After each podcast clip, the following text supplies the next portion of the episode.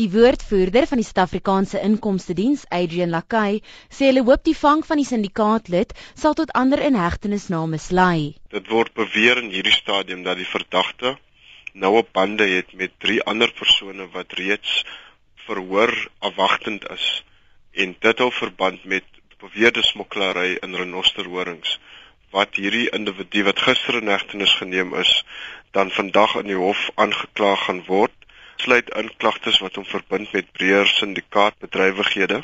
Lekay sê daar bestaan 'n vermoede dat daar 'n breër syndikaat is wat renosterhoring kommersieel in Oos-Asië verkoop.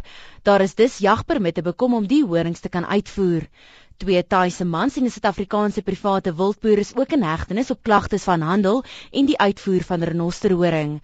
Lekay sê die ondersoek duur al vir 2 jaar lank en dat hulle glo hulle het genoeg bewyse om die man suksesvol in die hof te kan vervolg en ons glo die staat is in 'n posisie om 'n baie duidelike uh prentjie aan die hof te skets van syndikaatbedrywighede waar verskeie ander partye betrokke is, maar waar daar ook groot aantal gelde uh in bankrekenings gevloei het tussen Suid-Afrika en Oos-Asië en ook die Midde-Ooste.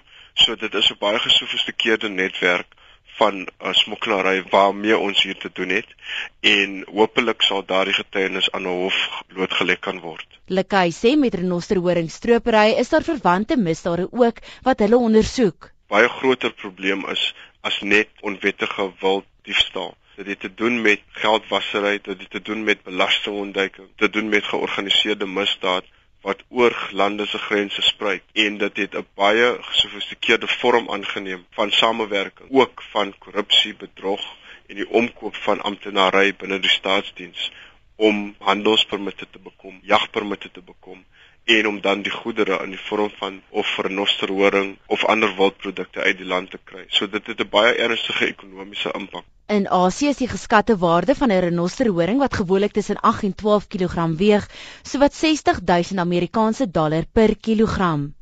Ek is Melissa Tuggie in Johannesburg.